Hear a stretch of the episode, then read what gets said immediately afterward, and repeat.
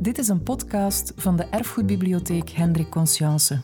Eén keer per maand op zondagochtend kun je bij ons terecht voor een notenboomlezing.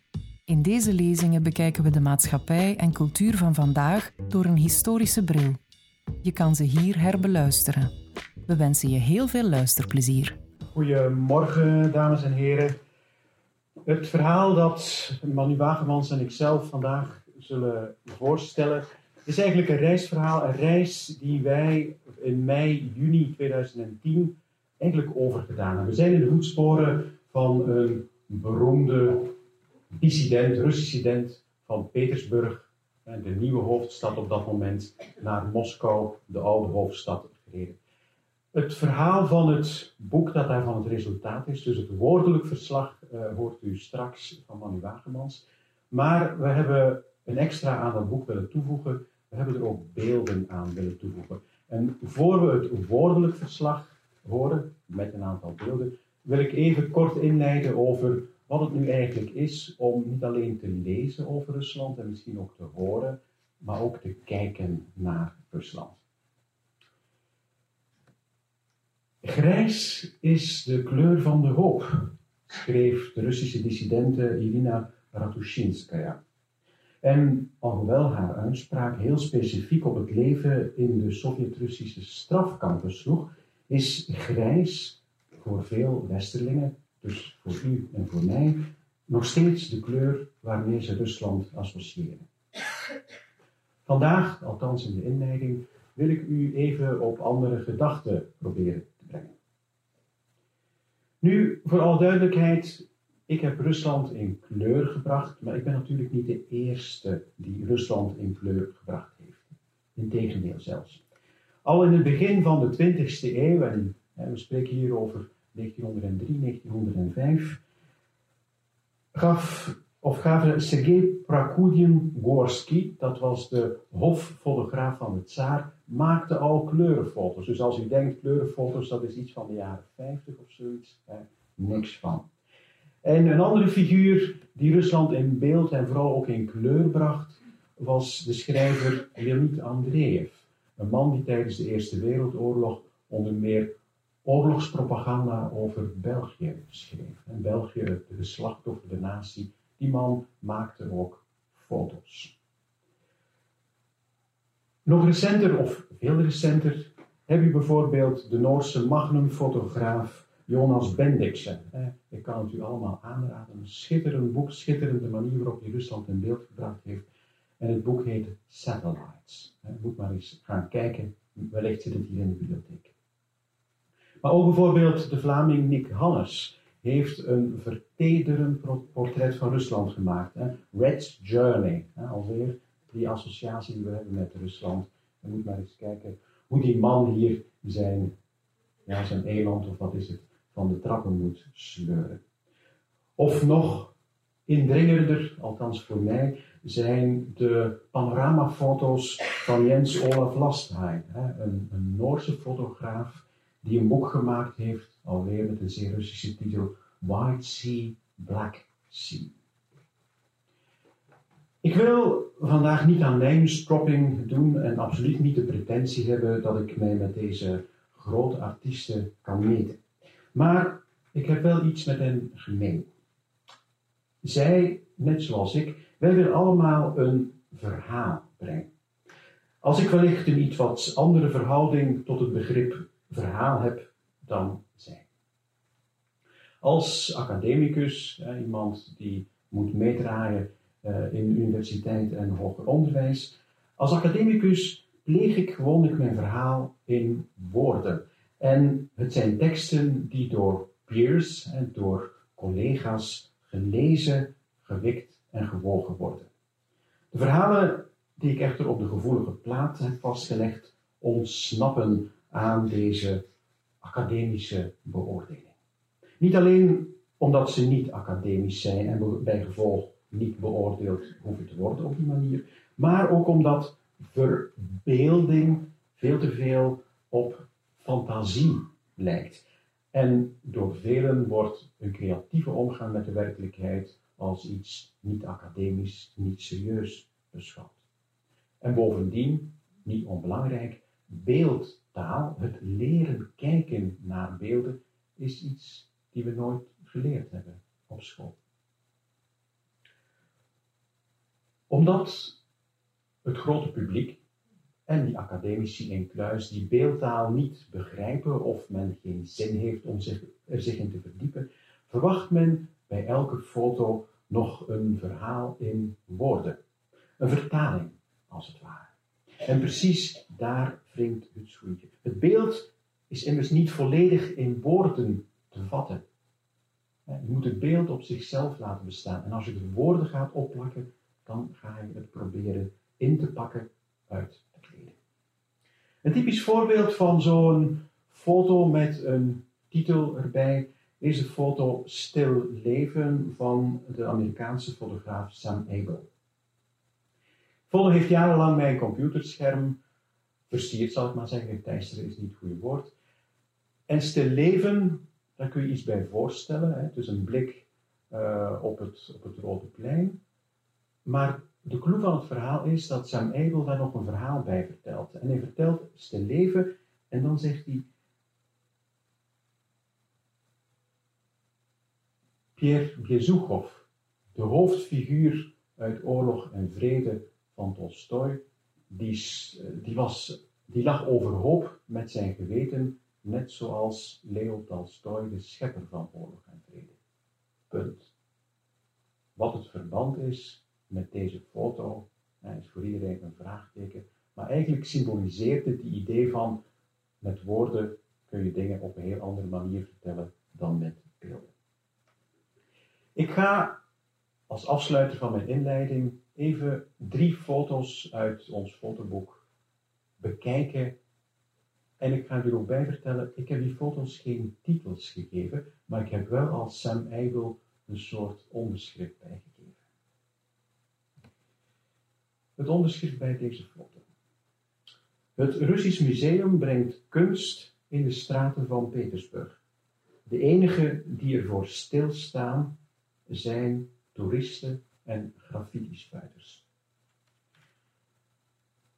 De foto is genomen in Petersburg langs het Gribajedov-kanaal. Eh, het Ruski Museum, dus het Russisch museum, heeft een aantal foto's of een aantal reproducties gemaakt van zijn kunstwerken en op de gevels langs de huizen uh, aangebracht. Als je het gaat intikken op, uh, op het internet, dan krijg je vooral veel klachten van ja, bezorgde Petersburgers dat er weer graffiti gespoten zijn op die schilderijen. Eigenlijk was het voor mij niet echt om die, om die schilderijen te doen, maar ik wou fotograferen met lichtschilderen. Daarom heb ik de mensen laten bewegen op de foto, door traag te fotograferen. Het heden. En tegelijkertijd denk ik, met die prenten die erop staan, probeer ik een blik te, te werpen in het verleden. Tweede foto. Orthodoxie, autocratie en nationalisme vormden de ideologische kern van het Russische keizerrijk. Waar kwam dit beter tot uit in, in Novgorod, een van Ruslands oudste steden. Ik kan u verzekeren, tussen Petersburg en Moskou, voor mij de grootste revelatie was inderdaad Novgorod. Het plaatselijke Kremlin, dat zwaar beschadigd was tijdens de Tweede Wereldoorlog, is een toonbeeld van restauratie. Iets wat in de rest van het gebied tussen Petersburg en Moskou niet zo evident is.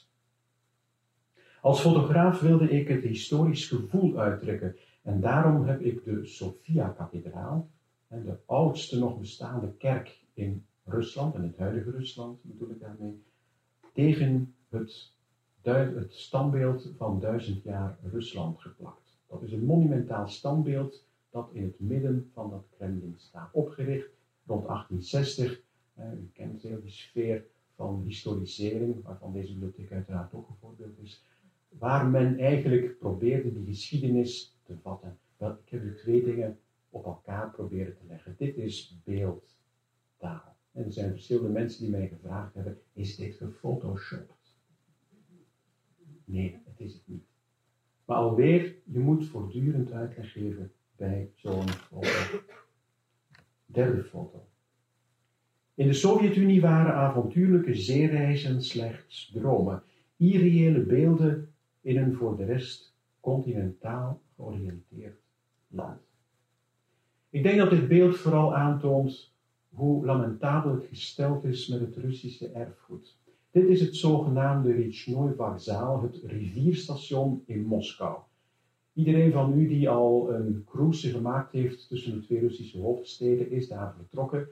Maar het gebouw zelf, in eh, Stalinistische Alpide, is ontoegankelijk wegens op instorten staan.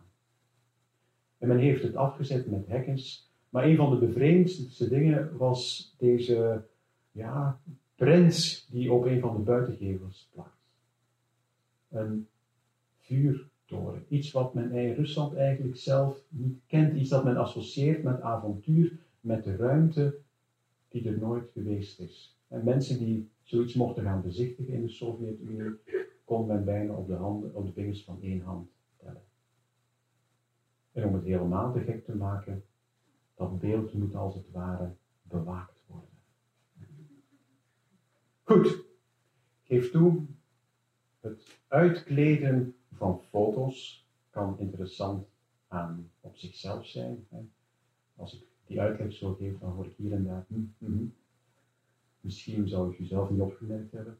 Maar strikt genomen, dat weet u even goed als ik, suggestie is toch nog altijd veel sterker dan het uitleggen.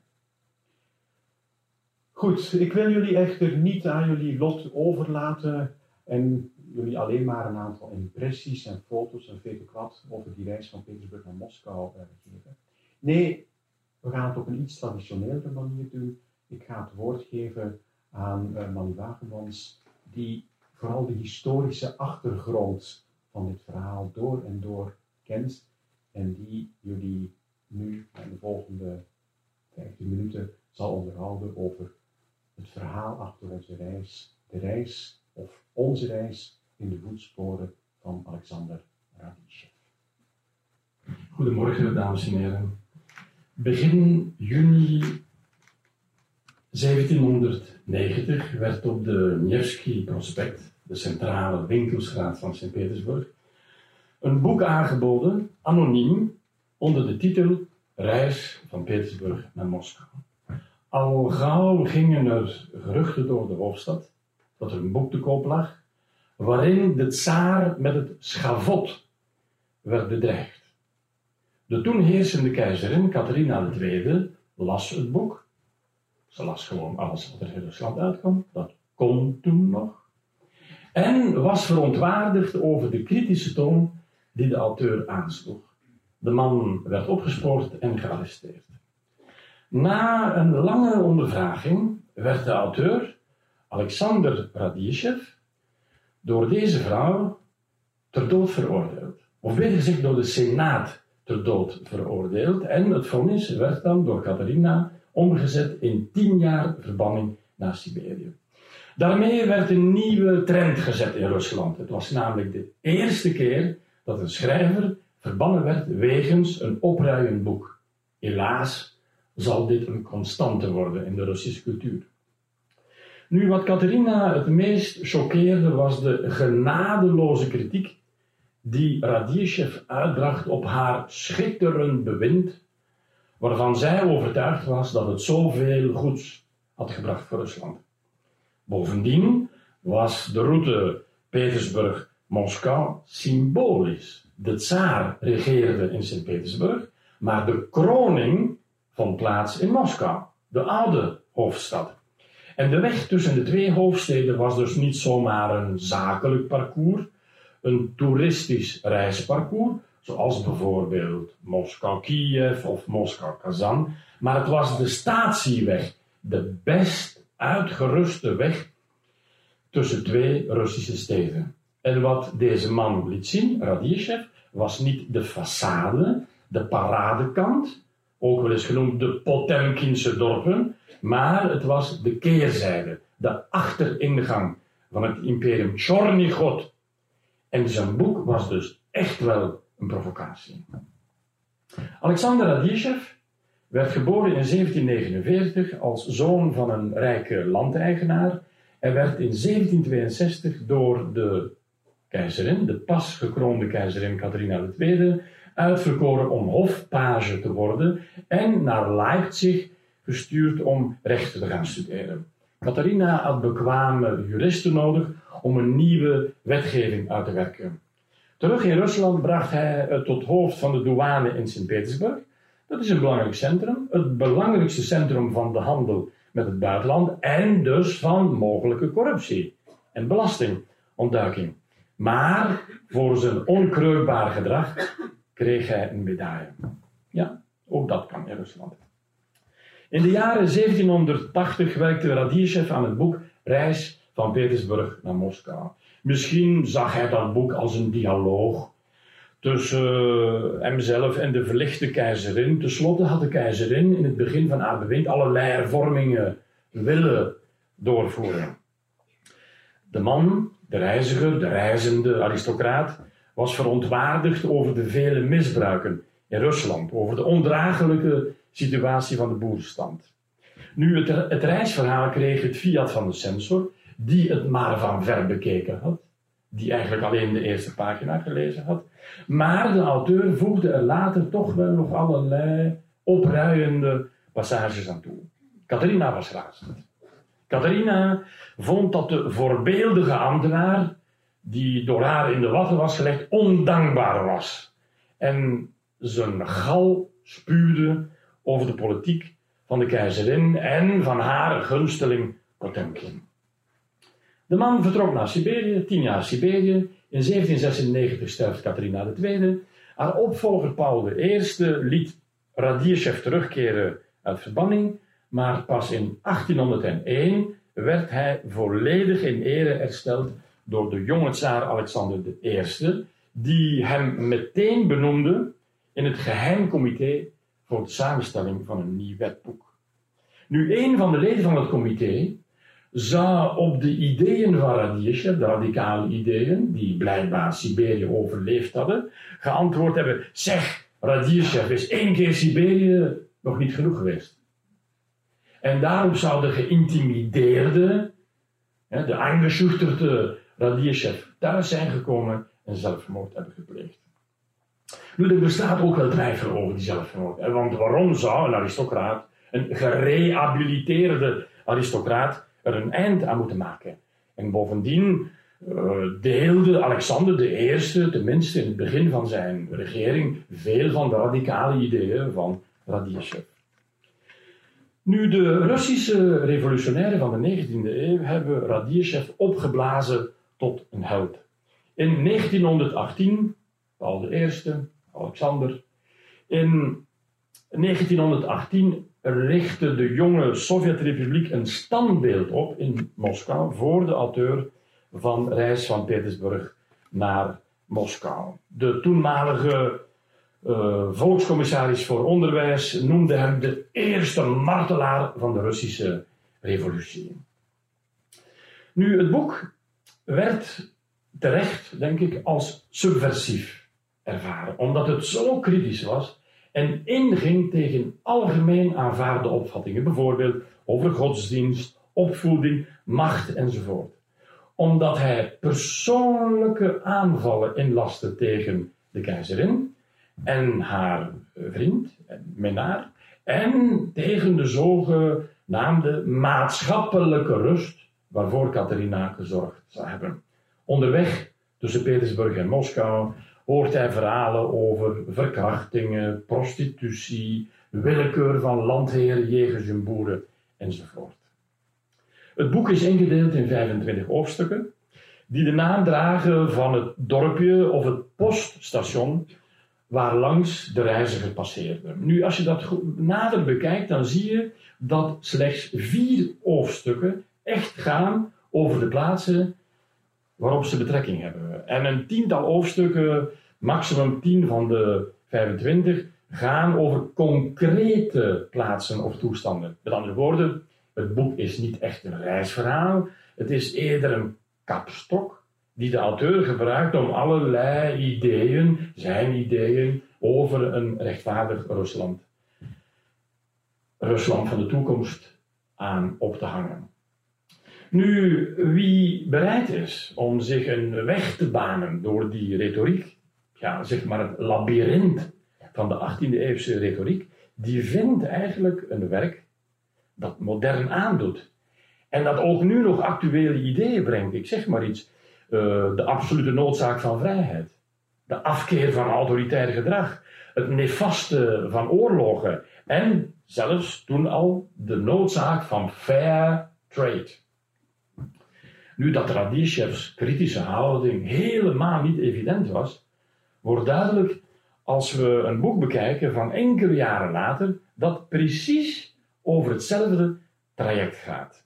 In 1801 werd de reis Sint-Petersburg-Moskou overgedaan door een uh, verder onbekende Ivan Glushkov, die naar aanleiding van de kroning van de nieuwe tsaar Alexander I als kerstverse tsaar de reis moest maken van Petersburg naar Moskou om zich daar te laten kronen. En uh, Glushkov maakte een handleiding, hier, Ruchnoy Darozhnik, handreisgids voor het gebruik op de weg tussen de keizerlijke Russische hoofdsteden met historische, geografische en politieke informatie over de steden op deze weg liggende en met de beschrijving van alledaagse gebruiken, kledij, dialecten en met zichten van de mooiste plaatsen. Zo heette een boek nu eenmaal in de 19e eeuw. Wil u een groter contrast met het pessimistische boek van Radishev kan men zich moeilijk voorstellen. Glushkov beschrijft de schoonheid van het Russische landschap, de vrolijkheid van de boeren, de grappige liederen van de koetsiers, de pracht van de Russische kerken en kloosters. Een voorbeeld. Over het plaatsje Tjudovo schrijft hij: Hier eindigt de rechte weg en daarmee de eentonigheid voortdurend hetzelfde te moeten zien. We krijgen nu alleraangenaamste zichten te zien. We komen brede velden tegen waar rijp graan op staat, massa's werkende landlieden en weiden met daarop grazende kudden. In één woord, de weg van hier tot in Novgorod wordt met het uur aangenamer. Of, over Novgorod schrijft hij, deze stad en de gebieden rond kunnen wegens het grote aantal kloosters en de wonderdoende iconen gezien worden als een plaats van heiligdom en een duidelijk bewijs dat de Russen overtuigde en ijverige christenen zijn. Nu even terug in de geschiedenis. Toen uh, in 1709 Peter de Grote de definitieve overwinning behaalde op de Zweden, weet u nog, de slag bij Poltava, besliste Peter de hoofdstad over te brengen van Moskou naar Petersburg. Om het verkeer tussen de oude en de nieuwe hoofdstad te vergemakkelijken, liet hij in 1711 een postweg aanleggen tussen de beide steden. Op regelmatige afstanden werden stations gebouwd, waar de reizigers, nou ja, betekende niet veel hoor, reizigers begin 18e eeuw, dat waren vooral couriers van het tsaar, diplomaten, kooplui, waar de reizigers verse paarden konden krijgen en konden overnachten. En voor de leden van de tsarenfamilie werden zogenaamde wegpaleizen gebouwd. In de 18e eeuw deed men over het traject Petersburg-Moskou zeven dagen.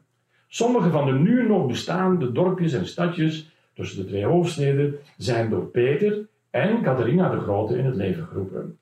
Langs deze weg reisde de Russische keizerin op weg naar haar kroning in Moskou in 1762. Het is deze weg die Radishev volgde toen hij in de jaren 1780 zijn reis van Petersburg naar Moskou maakte. En langs deze weg vertrok hij ook naar Siberië. Nu, de postweg was niet geschikt om de nieuwe hoofdstad te bevoorraden. Daarom besloot Peter zijn stad over het water, ook over het water, te verbinden met het hinterland. Dat lag natuurlijk helemaal in de lijn van zijn maritieme interesses. Om Moskou te bereiken, om de Russische graanvelden te bereiken, moesten drie grote rivieren met elkaar verbonden worden: de Neva, de Volga en de Moskva. En net zoals voor andere grote projecten nodigde Peter hier vooral Nederlandse, buitenlandse, vooral Nederlandse, ook wel enkele hier en daar Vlaamse ingenieurs uit. Later werd dan, een generatie later, werd het werk overgenomen door, door onze specialisten opgeleide Russen.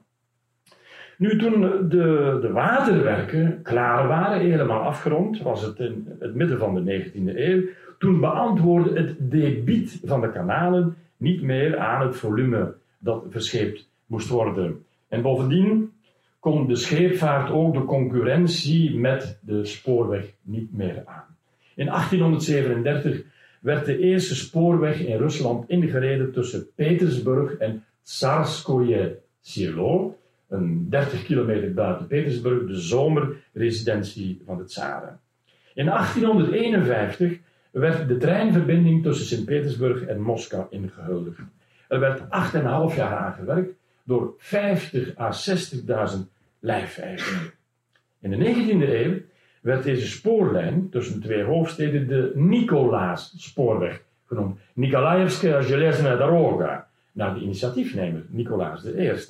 Maar in de 20e eeuw kon dat natuurlijk niet meer, want toen waren de tsaren taboe en werd de spoorweg genoemd de Oktoberspoorweg. Het traject bedroeg 650 kilometer, telde 34 uh, haltes en twee grote stations. Namelijk het Moskou-station, Moskovsky Vokzaal in Sint-Petersburg en het uh, Nicolaas-station in Moskou. Dat op zijn beurt onder de Bolsjewieken omgedoopt werd eerst tot Oktoberstation en later tot Leningrad-station. Zoals het tot de dag van vandaag heet. Alhoewel Leningrad niet meer bestaat. Nu het Leningrad-station. Het Leningrad-station in Moskou, het eindpunt, neemt een belangrijke plaats in in de Russische geschiedenis en geografie. Op 11 maart 1918 arriveerde op dit station de jonge Sovjetregering met aan het hoofd Vladimir Lenin. Ze kwamen uit Petrograd, zo heette Petersburg tijdens de Eerste Wereldoorlog. Met andere woorden, Lenin in de voetsporen van Radiev. Hier begint een nieuwe fase in de geschiedenis van Rusland, maar helaas een bloedige. Dat idee om uit het niks ex nihilo een stad te bouwen, ver van de oude hoofdstad, dicht tegen het buitenland, tegen de grens, ontstond in de Vreemdelingenwijk van Moskou, waar de jonge Peter de meeste van zijn tijd doorbracht. Nederlanders, Schotten, Duitsers vertelden de jonge tsaar Peter fantastische verhalen over het Westen en overtuigden hem ervan dat het Westen een grote voorsprong had op Rusland. Wel met behulp van buitenlanders zal Peter na zijn grote reis naar het Westen in 1697, 98, Nederland en Engeland zijn nieuwe stad en imperium uitbouwen. Maar iedereen was niet eh, zo enthousiast als Peter hoor. Velen geloofden niet dat eh, Peter erin zou slagen om op de moerassige, drabbige gronden aan de Niva een stad te bouwen. Er werd gefluisterd onder het volk. Er werd gefluisterd dat de antichrist aan het werk was. Want het kon toch niet, dat begrijpt u, dames en heren, dat een rechtgelovige Rus het heilige Rusland inruilde voor een nog te bouwen stad ver weg van het binnenland en dicht bij het ketterse protestantse Westen. Peter werd onder het volk vaak de ondergeschoven buitenlander genoemd, die de Russische tradities met voeten trad. Uh, trad. Allerlei profeten en dorpsgekken verspreiden verhalen over het komende apocalyptische einde van de wereld en de overstroming van Sint-Petersburg. Op de stad van Peter zou een vloek rusten. Maar aan deze kritiek kwam een eind. In 1721, toen Rusland definitief vrede sloot met Zweden. De Senaat verleende Peter nu de titel De Grote, Peter de Grote, die hij natuurlijk weigerde. En literatoren en propagandisten creëerden de mythe van Peter als de god, de demiurg, het genie, de vader des vaderlands, Atjetjestva, de man die Rusland uit zijn eeuwenoude traagheid had gehaald.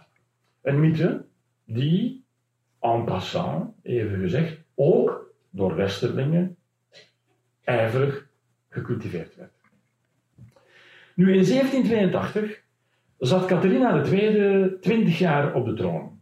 Ze combineerde dit jubileum met de herdenking van 100 jaar Peter de Grote, 1682. De Franse beeldhouwer Falconet ontwierp het eerste standbeeld in Rusland voor een wereldse heerser. En Catharina bedacht daarvoor de prachtige, vind ik, laconieke inscriptie Petro Primo Catarina Secunda. In het Latijn voor Europa, aan de andere kant in het Russisch, met een taalfout erin, voor haar landgenoten. Twee vliegen in één klap. Een standbeeld voor Peter de Grote, de eerste antieke held van de nieuwe tijd, opgericht door Catharina de Grote, de voortzetter van het grote hervormingswerk van Peter. Het standbeeld, dat in het uh, grote beroemde gedicht van Alexander Pushkin de naam de Bronzen Ruiter heeft gekregen, is nu een van de mooiste plekken van Sint-Petersburg. Het eerste bouwwerk van de nieuwe stad van Peter, de Petrus en Paulus vesting, vormde het militaire hart van de stad. Een gigantische vlag naar Hollands model en de torenspits van de Petrus en Pauluskerk, de eerste van Sint-Petersburg, domineerden de vesting. Maar het bolwerk, de krepost, speelde nauwelijks een militaire rol, maar verwierf een meer ja, sinistere betekenis als politieke gevangenis. Zeg maar de Russische Bastille. De vesting deed 200 jaar dienst als gevangenis voor staatsgevaarlijke lieden. Peter I liet er in 1718 zijn, uh, ja, zijn moeilijke, zijn onwillige, een beetje weerbarstige zoon Alexei opsluiten en veroordelen wegens landverraad en samenzwering. In uh, eh, 1790 kwam Alexander Radieschev er terecht, waar hij op de plank, uh, op de rooster gelegd werd. En vandaar vatte hij de verbanning naar Siberië aan. In 1849 was de beurt aan Fyodor Dostoevsky, omdat hij lid was van een, ja, wat wij nu noemen, een leesclub, waar boeken gelezen werden die uit het Westen kwamen. Uh, Nikolai Chernyshevsky, de staatsvijand nummer 1, zat er gevangen en schreef er in 1862 zijn beroemde boek Stodjelaj. Wat te doen? Het livre de chevet van alle Russische revolutionairen in de tweede helft van de 19e eeuw. En nog vele uh, andere. De Tsjeka, de geheime politie, onder Lenin, die hebben hier minstens vier leden van de Romanov, van de tsarenfamilie, vermoord, naast tientallen officieren. Nu, toen dat boek uitkwam in 1790, in het begin nog eh, anoniem, dacht Catharina dat Radieschev met zijn boek, met zijn kritisch, satirisch boek, het pad wilde effenen voor een revolutie in Rusland. En eigenlijk was dat niet zo verkeerd gezien, want weet u nog, één jaar daarvoor, in 1789, was in Frankrijk de revolutie uitgebroken en alle gekroonde hoofden, echt niet alleen in Rusland, alle westerse koningen die vrezen dat morgen of overmorgen hun hoofd en kroon zou kunnen vallen. En Catharina was razend. Ze noemde hem een opstandeling erger dan Pugachev. Dat was eh, absoluut geen eretitel, want Pugachev, hier in beeld, dat was de aanvoerder van de boerenopstand die tussen 1773 en 1775 de helft van Rusland te vuur en te zwaard had gezet. Nu, het is wel zo dat Radieschev scherp was in zijn kritiek op het despotisme. Hij waarschuwt voor een volksopstand. Hij propageert dat niet. Hij beveelt dat niet aan. Maar hij waarschuwt voor een volksopstand indien de adel niets zal doen aan de ondraaglijke situatie van de boeren. Hij heeft het dus niet alleen over de misbruiken, over de uitwassen van de lijfeigenschap, maar hij valt het systeem zelf aan. En in dat opzicht is hij een heel moderne denker. Hij is een principiële tegenstander van autoritair geweld. Nu, dat boek lag de autoriteiten, de tsaristische autoriteiten, de hele 19e eeuw door zwaar op de maag. Het kon in Rusland pas uitgegeven worden na de revolutie van 1905, de eerste revolutie, toen de censuur praktisch uh, afgeschaft werd. Na de communistische revolutie, de oktoberrevolutie van 1917, hebben de Bolsjewieken Radieschev voor hun kar gespannen. En het is vooral volgende uitspraak die in de treuren geciteerd werd om te rechtvaardigen dat Radieschev een voorloper was van de Bolsjewieken. Ik ga het u even voorlezen. Oh, u weet, zo beginnen veel zinnen in de 18e eeuw. Oh, indien de slaven, gebukt onder de zware ketenen, zich zouden oprichten in hun vertwijfeling en met de ijzers die hun vrijheid belemmeren, onze hoofden zouden inslaan. Dat is kras geformuleerd. Onze. Het is een aristocraat die aan het woord is. Hè? Onze hoofden zouden inslaan. De hoofden van hun onmenselijke heren. Radishev was zelf een rijke landeigenaar. Hè? En hun akkers met ons bloed zouden besmeuren. Wat zou de staat daaraan verliezen? Sorry dames en heren, maar als zo een zin gepubliceerd werd bij ons in de Oostenrijkse Nederlanden, of in Frankrijk of Duitsland of Italië, die man die kreeg ook de doodstraf hoor. Rekent u maar, 1790. Hè. Wel u, Radishev kwam nu ja in het rijtje te staan van de voorlopers van de Russische revolutie, de boerenleider van de 17e eeuw, Razin, Pugachev in de 18e eeuw, de decabristen in 1825 en de later de populisten, marxisten, terroristen enzovoort tussen 1860 en 1890. Overal in het land werden voor deze volkshelden standbeelden opgericht. Straten en pleinen werden naar hen vernoemd. Die werden genoemd in één adem, natuurlijk, met de toenmalige leiders van de Sovjet-Unie, weet u nog, Lenin, Stalin, Kirov enzovoort. Maar toch waren de meningen een beetje verdeeld. Namelijk was Radieschev nu een revolutionair, riep hij het volk op tot een opstand, of was hij gewoon een adellijke liberaal die pleitte voor hervormingen. Nu, na 1917 werden tsaristisch of religieus geïnspireerde plaatsen en straten herdoopt in communistische. Bijvoorbeeld, de straat van de aartsengel Michael werd nu de straat van de Rode Oktober. Elke stad of dorp in de Sovjet-Unie had een Leninstraat, een Sovjetstraat, een proletarische straat, een plein van de revolutie, een straat van de 25 oktober 1917 enzovoort. Soms ook werden ja, onschuldige toponiemen vervangen door communistische. En de bedoeling was om de mensen, de bevolking, voortdurend te herinneren aan de tegenstanders van het uh, tsarisme. Bijvoorbeeld, de totaal onschuldige straatnaam in Moskou de Bovenvolderstraat, de Vergnaya Balvanovka. Er is geen Rus die weet wat dat betekent.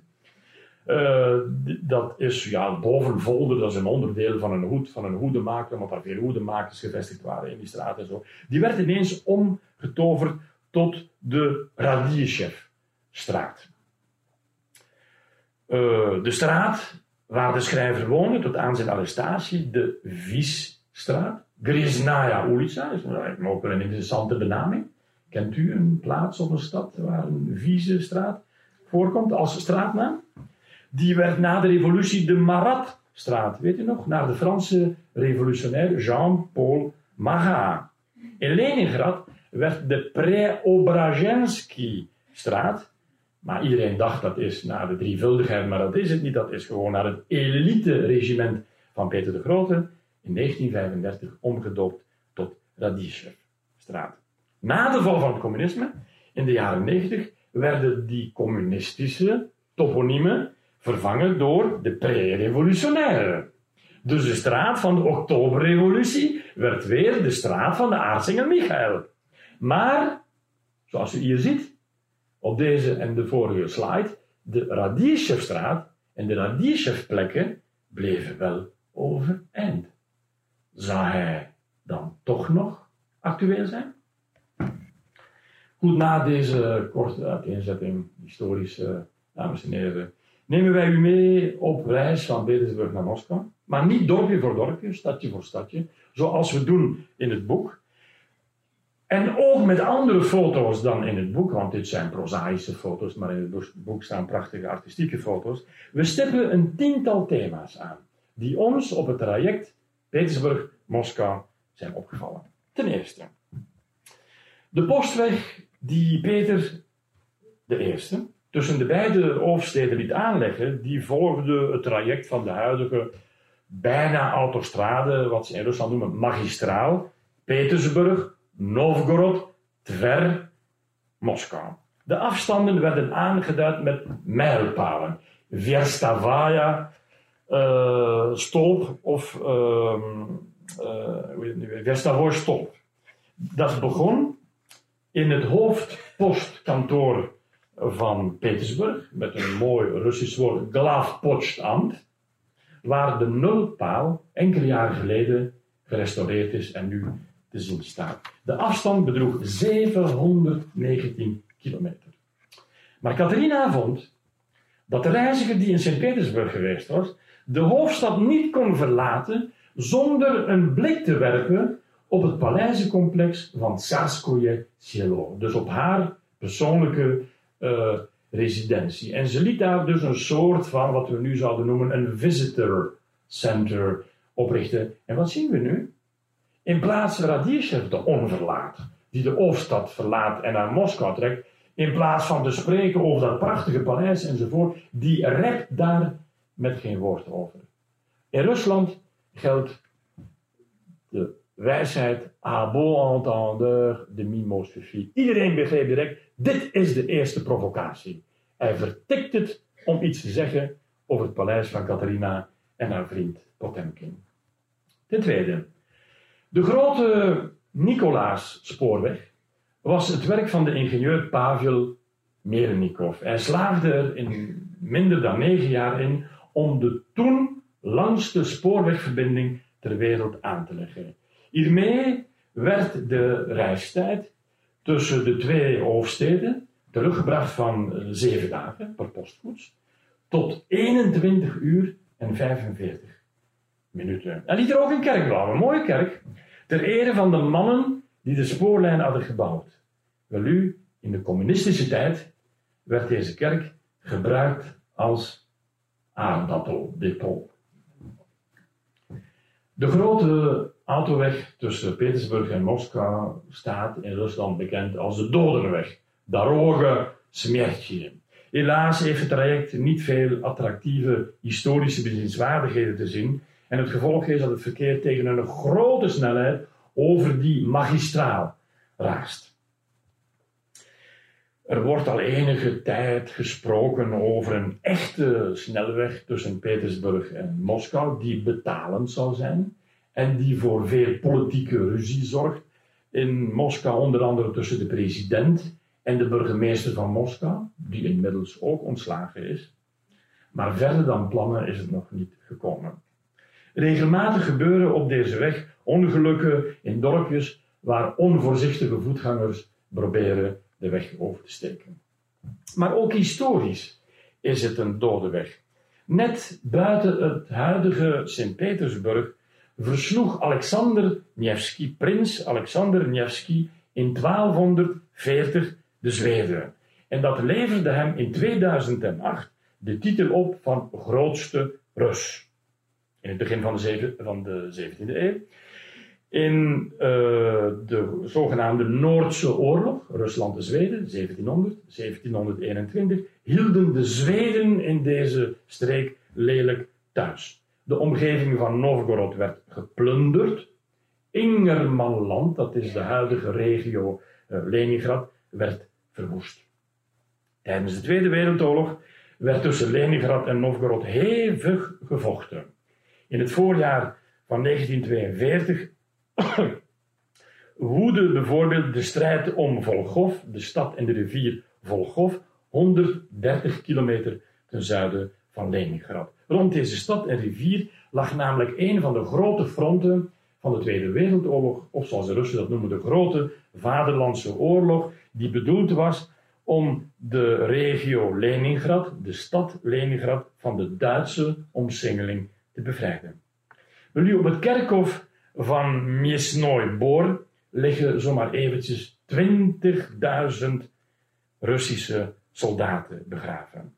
Het dorp kreeg de naam Dodenvallei, Dalina Smertje. Aan deze gevechten namen ook Belgen deel. Naar schatting 10.000 Vlamingen vertrokken met het zogenaamd Vlaams legioen naar Rusland om er met de Duitsers en in Duits uniform te gaan vechten, weet u nog, tegen het goddeloze bolsjevisme. Daarvan zijn er ongeveer 2000 gesneuveld. Zes kilometer ten zuiden van Novgorod is in de jaren 1990 een groot Duits militair kerkhof aangelegd, waar niet alleen Duitsers begraven liggen, maar ook Spaanse en Vlaamse Oostfrontstrijders, waarvan hier een uiting. Petersburg, de stad Petersburg aan de Neva, staat bekend als het venster op het westen. Is een mooie formulering. Men schrijft die toe aan Alexander Pushkin, maar eigenlijk is die prachtige formulering, dat prachtige beeld, geformuleerd, uitgedacht door de Italiaan Francesco Algarotti, die in 1739 de stad bezocht. Maar ook al in de middeleeuwen had Rusland veel contacten met West-Europa, namelijk via de Hanze. De Hanze had een nederzetting in Novgorod. En Novgorod is één van de grote steden op ons traject. Het is een van de oudste steden van Rusland, die al bestond in de 9e eeuw. Toen er in de verste verte nog geen sprake was, niet alleen van Petersburg, dat is evident, dat is maar 1703, maar zelfs van Moskou was er in de verste verte geen sprake. Maar deze stad, deze trotse, oude, oudste stad van Rusland, is in de 15e eeuw onderworpen aan de macht van Moskou en daardoor heeft ze haar, vrijheid en onafhankelijkheid verloren. In 1862, zoals Wim heeft verteld, is er een reusachtig, een schitterend standbeeld opgericht ter ere van het duizendjarig bestaan van Rusland. Tijdens de Tweede Wereldoorlog wilden de Duitsers het beeld afbreken, ontmantelen, afbreken, ontmantelen en als oorlogsbuit naar Duitsland verslepen. Tot voor kort prijkte het beeld trots op het 5 roebel biljet. Nu is Novgorod, ja, vergane glorie, een provincienest, een charmant provincienest, maar de provincie weggedrukt door het centralistische Moskou. Een van de charmante trekken van de Russische cultuur is het cultiveren van haar schrijvers en de plekken waar ze gewoond hebben. Onderweg zijn we Fyodor Sologub tegengekomen, de symbolist, begin 20e eeuw. Maar ook Nikolai Nekrasov, Wie heeft het goed in Rusland? Ja, wel een zeer uh, pregnante titel, denk ik. Die veel over de boeren schreef. Dat is eigenlijk ook het thema van Radishev. Alexander Pushkin en zijn geliefde Anna Kern. En zelfs de, uh, ja, de, de futurist Velimir Glebnikov. Dit erfgoed, het literaire erfgoed, wordt wel in ere gehouden. Op zoek naar de poststations en wegpaleizen die in het boek van Radishev beschreven worden, zijn Wim en ik meer dan eens gebotst op ruïnes van een ooit roemrijk verleden. Veel van het culturele erfgoed van Rusland ligt er, soms is het wel om te wenen, verlaten, verwoest, verwaarloosd bij. De stad Tver, bijvoorbeeld, werd in 1485 ingelijfd bij Moskou, dat zich ondertussen had opgeworpen tot het nieuwe, machtige politieke centrum van het land. Na de zware brand van 1763 liet keizerin Catharina de stad heropbouwen volgens een regelmatig plan, zoals in Sint-Petersburg. Ze liet er een wegpaleis optrekken, helemaal achter die twee bomen uh, verscholen. Dat is eigenlijk het enige keizerlijke hotel, je zou kunnen zeggen vijf sterren hotel, maar dat uitsluitend voor de tsarenfamilie gebruikt werd, dat nu nog in, in perfecte staat is en een publieke functie heeft, namelijk het museum van Tver. Een beetje verder is het stadje Klin, de dag van vandaag niet bekend of beroemd, zoals u misschien zou denken, omdat Glaverbel of AB InBev er een vestiging hebben. En ook niet omdat er een Italiaanse kaasboerderij gevestigd is. Op zichzelf ook een interessant fenomeen in de Russische cultuur. Maar omdat het landgoed en het museum van de componist Tchaikovsky er gevestigd is. Een van de weinige overblijfselen van het culturele erfgoed die perfect intact zijn. Maar we hoeven zelfs niet zo ver terug te gaan in de geschiedenis. Aan de oevers van de Moskwa, ver buiten het centrum van Moskou, ligt Rechnoy Vaksal. Het rivierstation, eigenlijk een, prachtig monument van 20e eeuwse architectuur, Stalinistische empire, dat in een lamentabele staat verkeert. Het station vormt niet alleen het eindpunt van de cruises naar het noorden, naar het noorden van Rusland, naar Petersburg, maar ook het vertrekpunt voor schepen naar het zuiden, naar Astrachan en de Kaspische Zee. Maar ziet u, zoals het tsaristische erfgoed werd verwaarloosd in de communistische tijd, zo wordt ook het communistische erfgoed vergeten en verwaarloosd in de post-Sovjet-tijd. Enkele kilometers verder staat een beeld, een afgebladderd, triest beeld van Lenin, inmiddels min of meer vergeten, achter of voor een vervallen fabriek. We hebben ons afgevraagd, was dit nu de lichtende toekomst van het communisme? Het zevende en alles overheersende thema in Rusland en dus ook op ons traject is het drama van de Tweede Wereldoorlog. De grote vaderlandse oorlog en de herinnering eraan. In de jaren 1990 zijn er vragen gesteld over de schuld, de medeverantwoordelijkheid van Stalin voor ja, de oorlog, voor het verloop van de oorlog, en zijn persoonlijke verantwoordelijkheid voor de miljoenen slachtoffers die de oorlog in de Sovjet-Unie gemaakt heeft. Ondertussen is dat al een beetje vergeten en heeft men het bijna alleen nog over het onnoemelijke lijden en de onbaatzuchtige zelfopoffering. En wordt de overwinning van Stalin op Nazi-Duitsland gezien als een belangrijke mijlpaal in de totstandkoming van het moderne Rusland. Maar op ons traject werden we niet alleen geconfronteerd met de misdaden, de wandaden van de nazi's, maar ook met de terreur van de Sovjets. In het onmogelijke plekje Miednoje vonden we deze gedenkplaat in Witte Marmer met de tekst. In het dorp Miednoje was de Russische revolutionaire schrijver Alexander Radishchev 1749 1802, auteur van reis van Petersburg naar Moskou op doorreis. Ibasta, zoals men in het Russisch zegt. Maar gruwelijker, en niet vermeld op de witte marmeren plaat, is dat de NKVD, de geheime dienst van Stalin, in 1937-38 zomaar eventjes 5000 zogenaamde contra-revolutionaire elementen executeerde. Deze gruwelijke oefening werd nog eens overgedaan in april 1940. Toen ongeveer 6500 Poolse officieren werden vermoord en in de bossen van Miednoje begraven. Hiermee overtroffen dus het veel bekendere Katyn, waar, weet u, slechts 5000 Polen begraven liggen. Katyn werd tijdens de oorlog ontdekt door de Duitsers, maar de Sovjets hebben altijd staande gehouden dat de nazi's zelf verantwoordelijk waren voor dit bloedbad. Maar over Miednoje is nooit met één woord gered in de Sovjet-Unie. Toen in de jaren 50 spelende kinderen op de stoffelijke resten stoten, werd het gebied rap rap rap afgesloten en overgedragen aan de geheime dienst. Op de massagraven werd zelfs een hotel neergezet.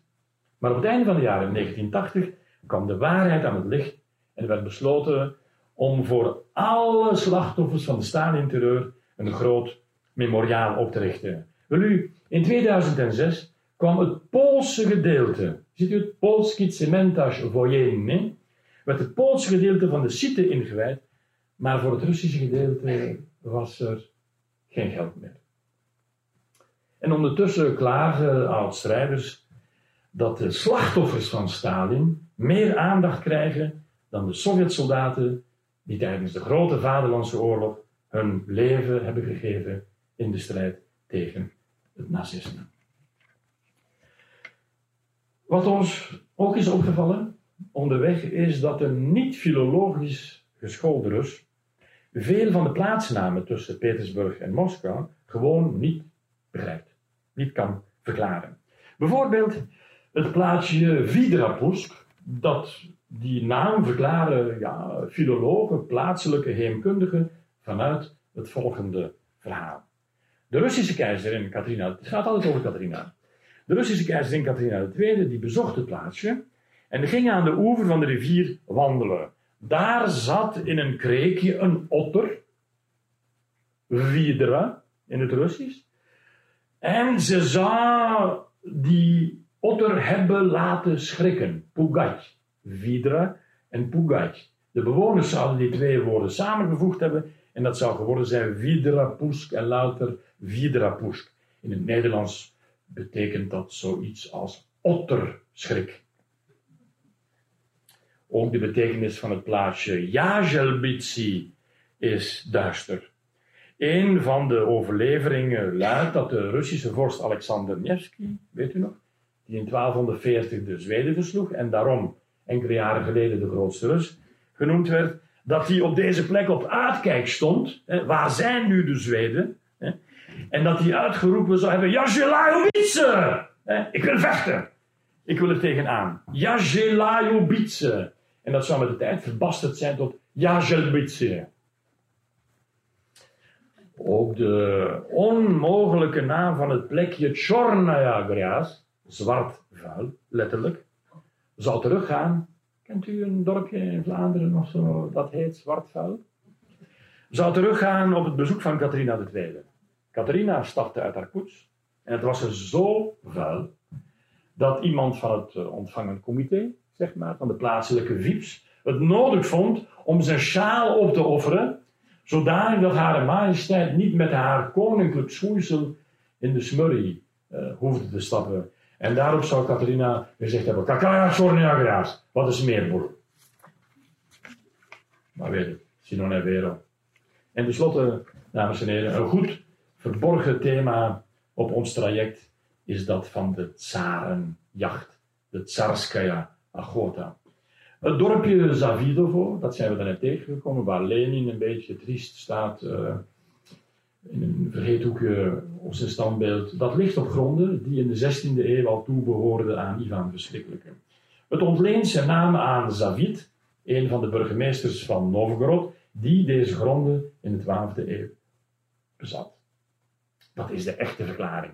Maar een volkse verklaring ziet er het werkwoord Zavidovać in. Eh, benijden, jaloers zijn op, omdat de gronden er zo vruchtbaar waren dat de omringende dorpen jaloers waren. In de 16e eeuw stond de plek al bekend als domein voor de tsarenjacht. En in de 20e eeuw werd er enkele keren gejaagd door Lenin. Van een plaatselijke gids kregen we te horen dat Lenin, en toen we niet veel enthousiasme lieten blijken, werd er triomfantelijk aan toegevoegd, de leider van het wereldproletariaat. Ja, dat moet, want de meeste jonge mensen, nu toeristen, weten niet meer wie uh, Lenin was. We kregen te horen van die gids dat Lenin hield van drijfjachten. Onder Khrushchev werden hier uh, uitvoerige partijfeesten gehouden. En Leonid Brezhnev, dat herinnert u zich nog allemaal zelf een hartstochtelijk jager, die maakte er een gesloten jachtpark van, waar hij dan met hoge buitenlandse gasten, Fidel Castro, Erich Honecker, ging jagen. In 1996 maakte de toenmalige Russische president Boris Yeltsin er een residentie van voor de president van de Russische Federatie. Tegenwoordig is Zavilovo ook in Rusland bekend. Het is een groot natuurpark Het wordt in toeristische brochures aanbevolen als een ideaal en elitair vakantieoord. Dat woord is een van de grootste modewoorden in Rusland, elitair. In een typisch Russische natuur en als een van de ecologisch zuiverste plekjes van Rusland. Voilà, dames en heren. En nu we toch in Moskou aanbeland zijn, zou ik willen afsluiten met een uh, politieke mop die ik enkele jaren geleden gehoord heb en die ik u toch niet kan uh, onthouden. Twee vrienden komen elkaar tegen op straat. En de ene vraagt aan de andere: Zeg, heb je de laatste bestseller al gelezen? Nee, antwoordt zijn vriend. Welke? Oeh, heb je die laatste bestseller nog niet gelezen? Waar iedereen het over heeft? Nee, zegt zijn vriend, maar wat bedoel je, welke bestseller? Hij zegt daar: Reis van Petersburg naar Moskou. Man, man, antwoordt vriend. Maar ben je nou helemaal gek? Maar maar dat is toch dat boek van die, allee, hoe heet die weer al? Uh, allee, we hebben het op school allemaal moeten lezen. Uh, allee, die ambetanterik daar, uh, Alexander. Maar nee, antwoordt zijn vriend. Dat is de titel van de memoires van president Poetin. Ik dank u.